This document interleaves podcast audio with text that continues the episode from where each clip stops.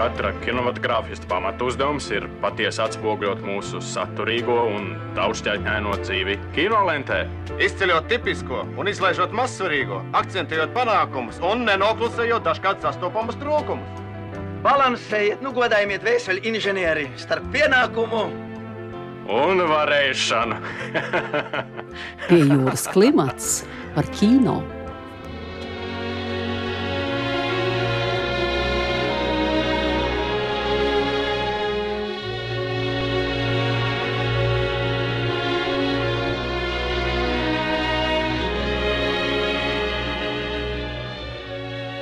Esiet sveicināti pie jūras klimata klausītāji! Pirms 80 gadiem Atlantā tika svinēta pirmizrāde filmai, kas joprojām ieņem ļoti nozīmīgu vietu kinovēsturē.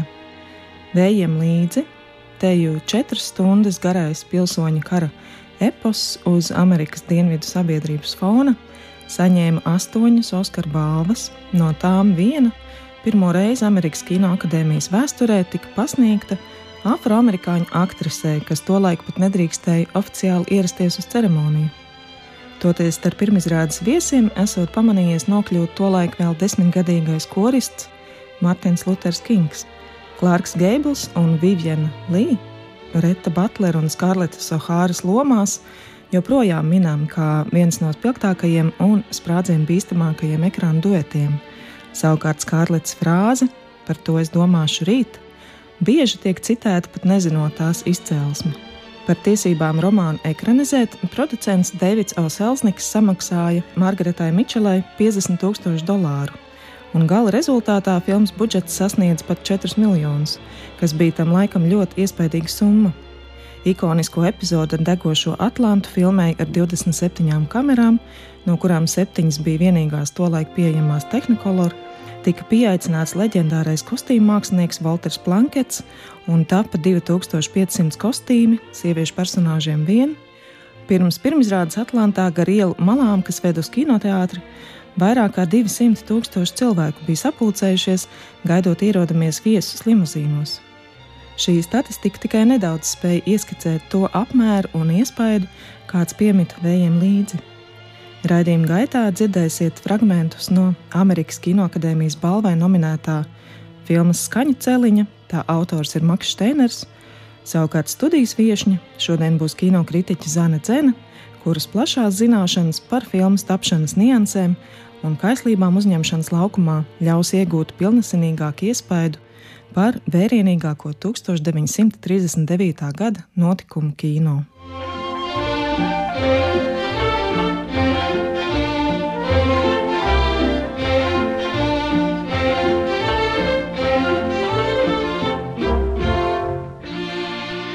Interesanti, ka e, gluži kā Hitchcock filmā Loks uz sētu. Kājas lūzums ir aizsākums notikuma virknei. Arī viena no vērienīgākajām romānu ekranizācijām Holivudā filma Vējiem līdzi nebūtu tapusi, ja ne Margaritas Mičels salauztā potīte. Protams, tas ir mīļi, bet e, jāņem vērā arī tas, ka šī rakstniece bija diezgan nerātna un nepaklausīga, tieši tāpat kā viņas varone, un e, ļoti pateicīgs klausītājs tantēm un vecmāmām un tam līdzīgi, kuras tomēr ļoti gribēja dalīties par saviem piedzīvojumiem pilsoņu karā. Un, kad arī iznāca romāns, tad Mičela nereizi viena saņēma pārmetums par to, ka tā nav viņas oriģināla grāmata, ka viņa ir paņēmusi un pārrakstījis kādas vecmāmiņas vai tantes vai paziņas dienas grāmatu, mazliet piepucējot, lai tas izskatās vēl dramatiskāk, krāšņāk un tam līdzīgi. Bet nē, tas ir viņas romāns. Uh, vienīgais, un uh, viņa pat nemēģināja pārspēt tā panākumus, ko, diemžēl, visu savu mūžu mēģināja darīt producents Deivids Oselzniks, un kura tuvākais mēģinājums pārspēt uh, vējiem līdzi bija filma Duelis Saulē, kas bija tik ļoti atbilstīga Holivudas uh, melodrāmu tradīcijām, ka principā nav skatāma, bet viņš tomēr saprata, ka desmit gadus cenšoties pārkāpt tai nenormālai augstajai latiņai, ko viņš uzcēla ar vējiem līdzi, tas nav iespējams un jāiet, ka nu beidzot ir pensijā.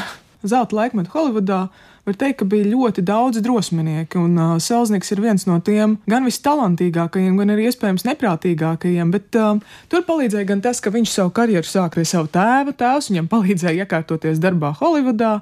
Tad viņš ļoti ātri nonāca pie MGM lielā šefa Luija Meijera, kurš pavisam drīz arī kļuva par viņas sievas tēvu. Kas, protams, nu, ir smieklīgi, kā tās ģimeniskās attiecības ir ietekmējušas Holivudu ne tikai mūsdienās, bet arī savulaik. Bet viņš tomēr saprata, ka, esot sievas tēva ēnā, viņš nespēs piepildīt tās savas ambīcijas, kas viņam bija.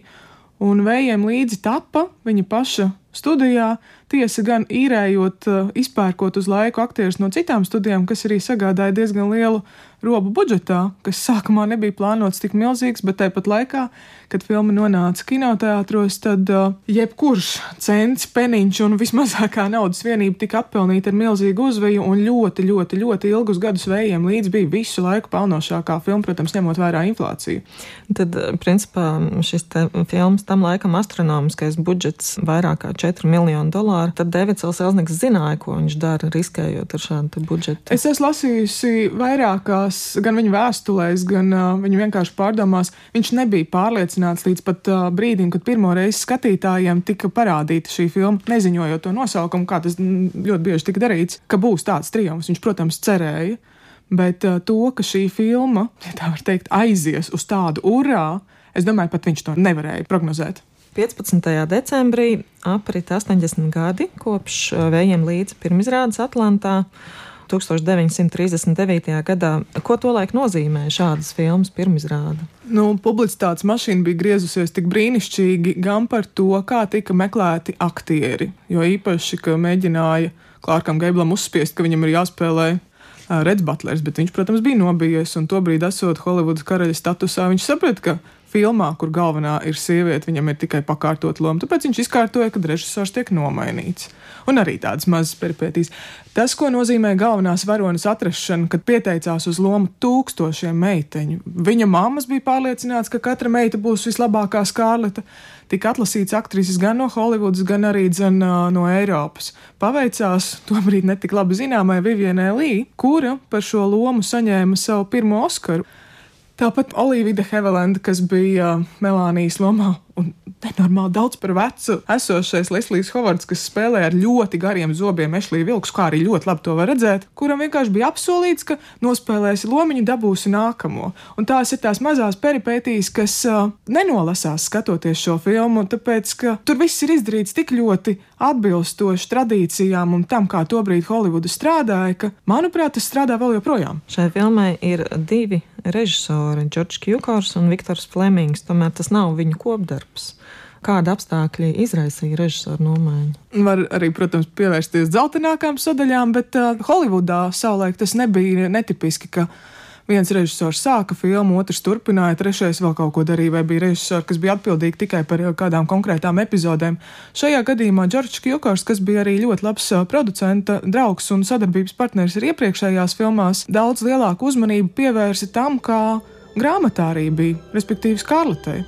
Holivudas tā brīža karalis Klārks Gebels ar to nebija mierā un paaicināja un izdarīja visu, lai filmēšanas laukumā sāktu strādāt Viktors Flemings, kas bija nu, tāds kārtīgs Holivudas režisors par večiem un tā, lai viss ir kārtībā. Un, ar pavisam uh, savādāku iedzināšanos, drīzāk pat neiedzināšanos, sieviešu varoņos, tādās romantiskās līnijās, bet tā, lai viss ir kārtībā.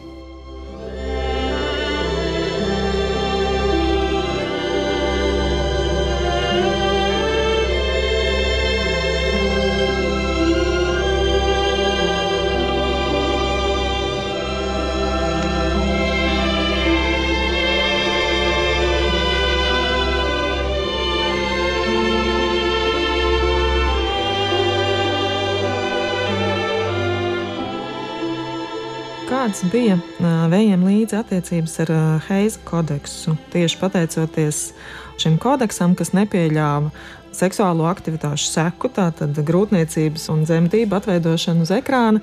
Filmas varonas Melānijas dzemdības tiek parādīts ļoti tēlaini šajā filmā. Vai bija vēl kaut kādas problēma epizodes, kas bija pretrunā ar šo kodeksu? Nu, tā epizode, ka Skārlete jau ir apprecējusies un dzīvo Atlantā, un tur vieglā riksī braukā turp šurp uz zāģētavu, ka viņai uzbrūk, kas ir tāds, nu, melnādainu iedzīvotāju getā braukājot garām. Tad vēl bija epizode, kur Geibls raud kas bija, nu, principā neiedomājami, ka Geibls varētu raudāt. Un, protams, visslavenākā epizode filmas un Heiza kodeksa kontekstā ir uh, lamu vārds sodīts, ko nedrīkstēja izrunāt un par ko Selznieks samaksāja nu, diezgan iespaidīgu naudas summu lai tas vispār varētu izskanēt. Bet uh, mūsdienās tā ir viena no frāzēm, kas tiešām uh, ļoti bieži tiek arī citēta un ļoti labi parāda šīs filmas, it kā to abu galveno varoņu ķīvēšanos. Filmas uzņemšanā tika praktizēta arī tāda kā zero waste pieeja. Ļoti slavenajā ugunsgrēka epizodē, kad dega pilsēta, bet var pastāstīt. Kas... Tā bija epizode, ar kuru uzsākās beidzot vējiem līdz filmēšana. Un, lai tas izskatītos ļoti iespaidīgi, jo Atlanta, kā zināms, jau tobrīd bija liela pilsēta, uh, Selznieks uh, nosonāja iepriekšējo filmu dekorācijas, nu, no Karaļa Konga un daudzām citām filmām. Un bija tā, ka, tā, ka viņš uzsāka filmēt uh, nozīmīgas lietas, kā šajā brīdī, protams, tāds pirmais kadrs. Galvenie varoņi gan vēl nebija atrasti, tāpēc viņu vietās ir uh, statisti. Un kamēr Atlanta dega zigālās ugunīs, tad viņa brālis Mairons atveda sev līdzi draugus no Eiropas, kas bija aktieri Lorenz Olivier un Vivienne Lee. Un parādījās arī iespēja novērtēt viņa tobrīd vēl lomai neapstiprināto Skārlitu.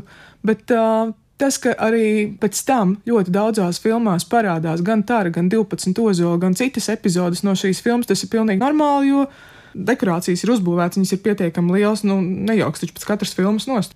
Šeit filmē tiek piedāvāti tādi kā 20. gadsimta agrīnā kino pamatprincipi dienvidu atveidošanā. Tātad tā, tā, tā romantizēta pasaule, skaistas eh, sievietes ar ļoti spēcīgu raksturu, vergi, kam viss patīk, un viņi ļoti apmierināti ar savu stāvokli.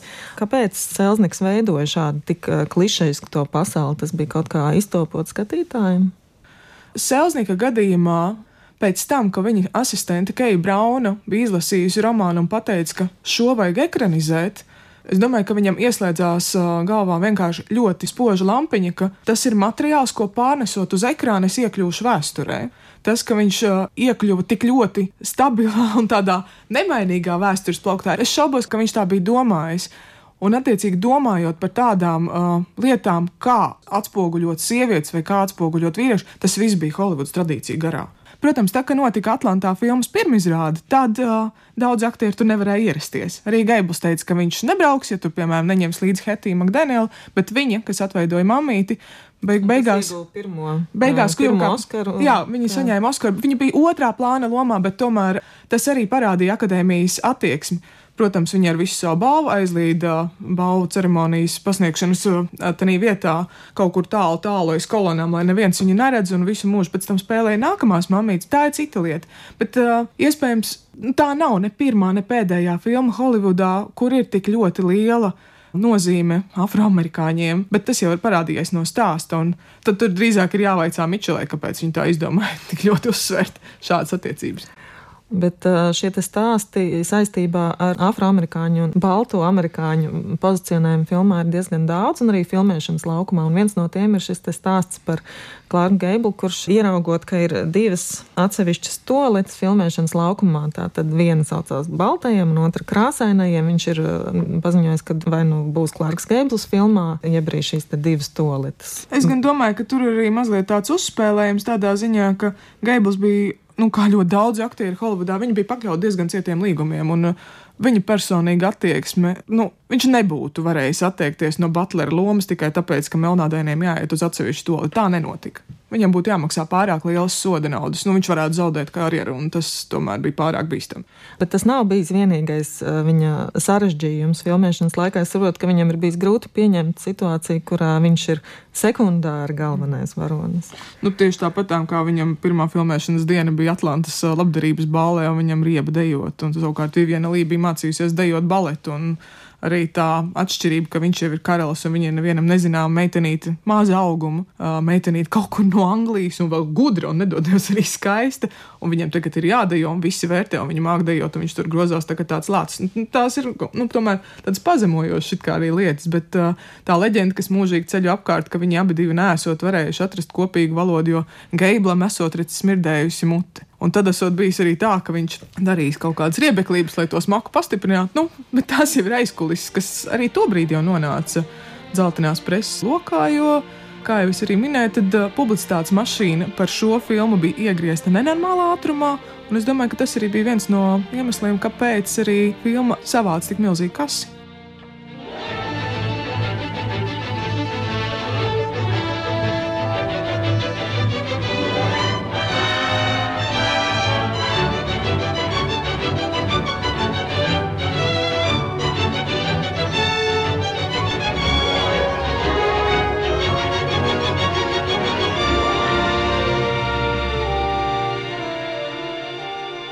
Šobrīd notiek visai aktīva kino vēstures pārvērtēšana tieši postkoloniālisma aspektā. Kā tev šķiet, vējiem līdzi, kur šī filma atradīsies, teiksim, pēc desmit gadiem, pēc 15, vai tā joprojām būs viena no nozīmīgākajām Holivudas zelta laikmeta filmām, ja viņi tiks eh, vērtēti kā tāds anahronisms?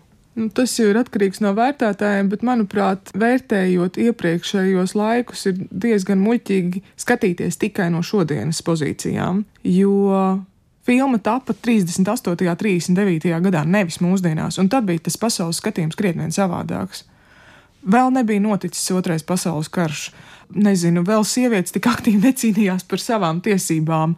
Režisori un producenti un daudzi citi atļāvās izturēties, kā vien viņi gribēja izturēties, bet tāpat laikā bija citas aktrises, nu, Ketrīna Hebena, Beta Deivis, kuras uzspļāva visādiem noteikumiem, filmēšanas laukumā un dzīvoja pēc saviem noteikumiem. Un arī tas krietni iedragāja viņu karjeru. Varbūt tas nav vējiem līdzi stāsts tādā ziņā, ka abas divas galveno lomu atveidotājas, kas ir šajā filmā, Viviana Līja un Olivija de Hevelē, viņas bija jaunas, viņām bija 23, 24 gadi. Un pretī tu nonāci tādiem īstiem Holivudas dūžiem, kuri zina, ko viņi dara, kurus uz priekšu dzēna filmēšanas grafiks un budžets, un kurus neinteresē, ka tev sāp galva. Un es pieļauju, ka arī mūsdienās tomēr tās filmas, kas tiek veidotas kā konvejers, nu, lielākoties skatoties uz Ameriku, uz tiem pašiem komiksiem, tevi neinteresē, ka tev ir viena pumpa uzmetusies grimētāja, viņa noņems nost, vai pēc tam pēcapstrādē noņems nost. Tu izdari savu darbu. Bet uh, vējiem līdzgadījums būtiski arī tā lieta, ka Selzniekam tā bija reāla kaislība. Viņš uh, pat strādāja 18, 20 stundas diennaktī, pārtika no vitamīniem un kā tik vēl. Viņš bija zaudējis dramatiski svaru. Viņš bija viens no tiem cilvēkiem, kurš gribēja kontrolēt pilnīgi visu katru kadru, katru kompozīciju, katru krāsu, katru matu šķīpsni, nu tā, lai viss būtu perfekti. Un, protams, uz ilgu laiku viņš pēc filmas pirmizrādes bija spiests vienkārši atpūsties. Viņš aiztaisīja savu studiju uz vairākiem mēnešiem, darīja neko. Un tad jau nāca nākamais darbs, kas bija Rebeka un Alfreds Hitchcocks, un tur uzreiz bija cits problēmas. Nu, es domāju, šī ir ļoti interesanta tēma studentu pētījumiem, bakalaura darbiem, noslēguma darbiem, kursa darbiem. Nu, tā tad ir tomēr 1000. 1939. gads, tas ir pilnīgi cits laikmets. Heisa kodeks, aizliegums pat uh, filmēt afroamerikāņu izcelsmes aktierus būtiskās lomās. Uh, vēl ir jāpaiet teju 30 gadiem, lai taptu filmu, kurā ir uh, galvenajā lomā aktieris afroamerikānis. Tā kā, nu, tas ir uh, pilnīgi cits uh, laikmets, un arī šī filma, protams, ir vērtējuma savu laika kinokultūras kontekstā kontekstā un sava laika sociāla politiskās situācijas kontekstā. Bet, ja mēs atkāpjamies no visiem šiem sarežģītajiem kontekstiem, tad tā ir tāda absolūta Holivudas uh, esence, klasiskais Holivudas stils savā visspēcīgākajā apliecinājumā, viena no skaistākajām tehnoloģijās uzņemtajām filmām, viena arī no pirmajām ar brīnišķīgiem aktieriem. Jā, jāsaka, ka studenti labprāt skatās skatās vējiem līdzi, nestoties uz to milzīgo garumu, viņi izvēlās šo filmu. Tas nozīmē, ka tur ir arī kaut kāds tāds ļoti ievilkošs, pārliecinošs stāsts, kas ļauj izdzīvot visu to skārletes dzīvi. Un tas nav maz, zinot to, ka vecas filmas mūsdienās ir jau tās, kas top pagājušā gadā, un tad piespiest jauniešus noskatīties ļoti vecu un ļoti garu filmu, tas ir izaicinājums. Bet sekmīgi. Manuprāt, ja ir dažas filmas no Zelta Holivudas, ko tiešām ir vērts skatīties, tad vējiem līdz noteikti ir nu, top pieciniekā, kā noteikti. Paldies! Studijā bija Dita Rietuma un Zana Dzēna.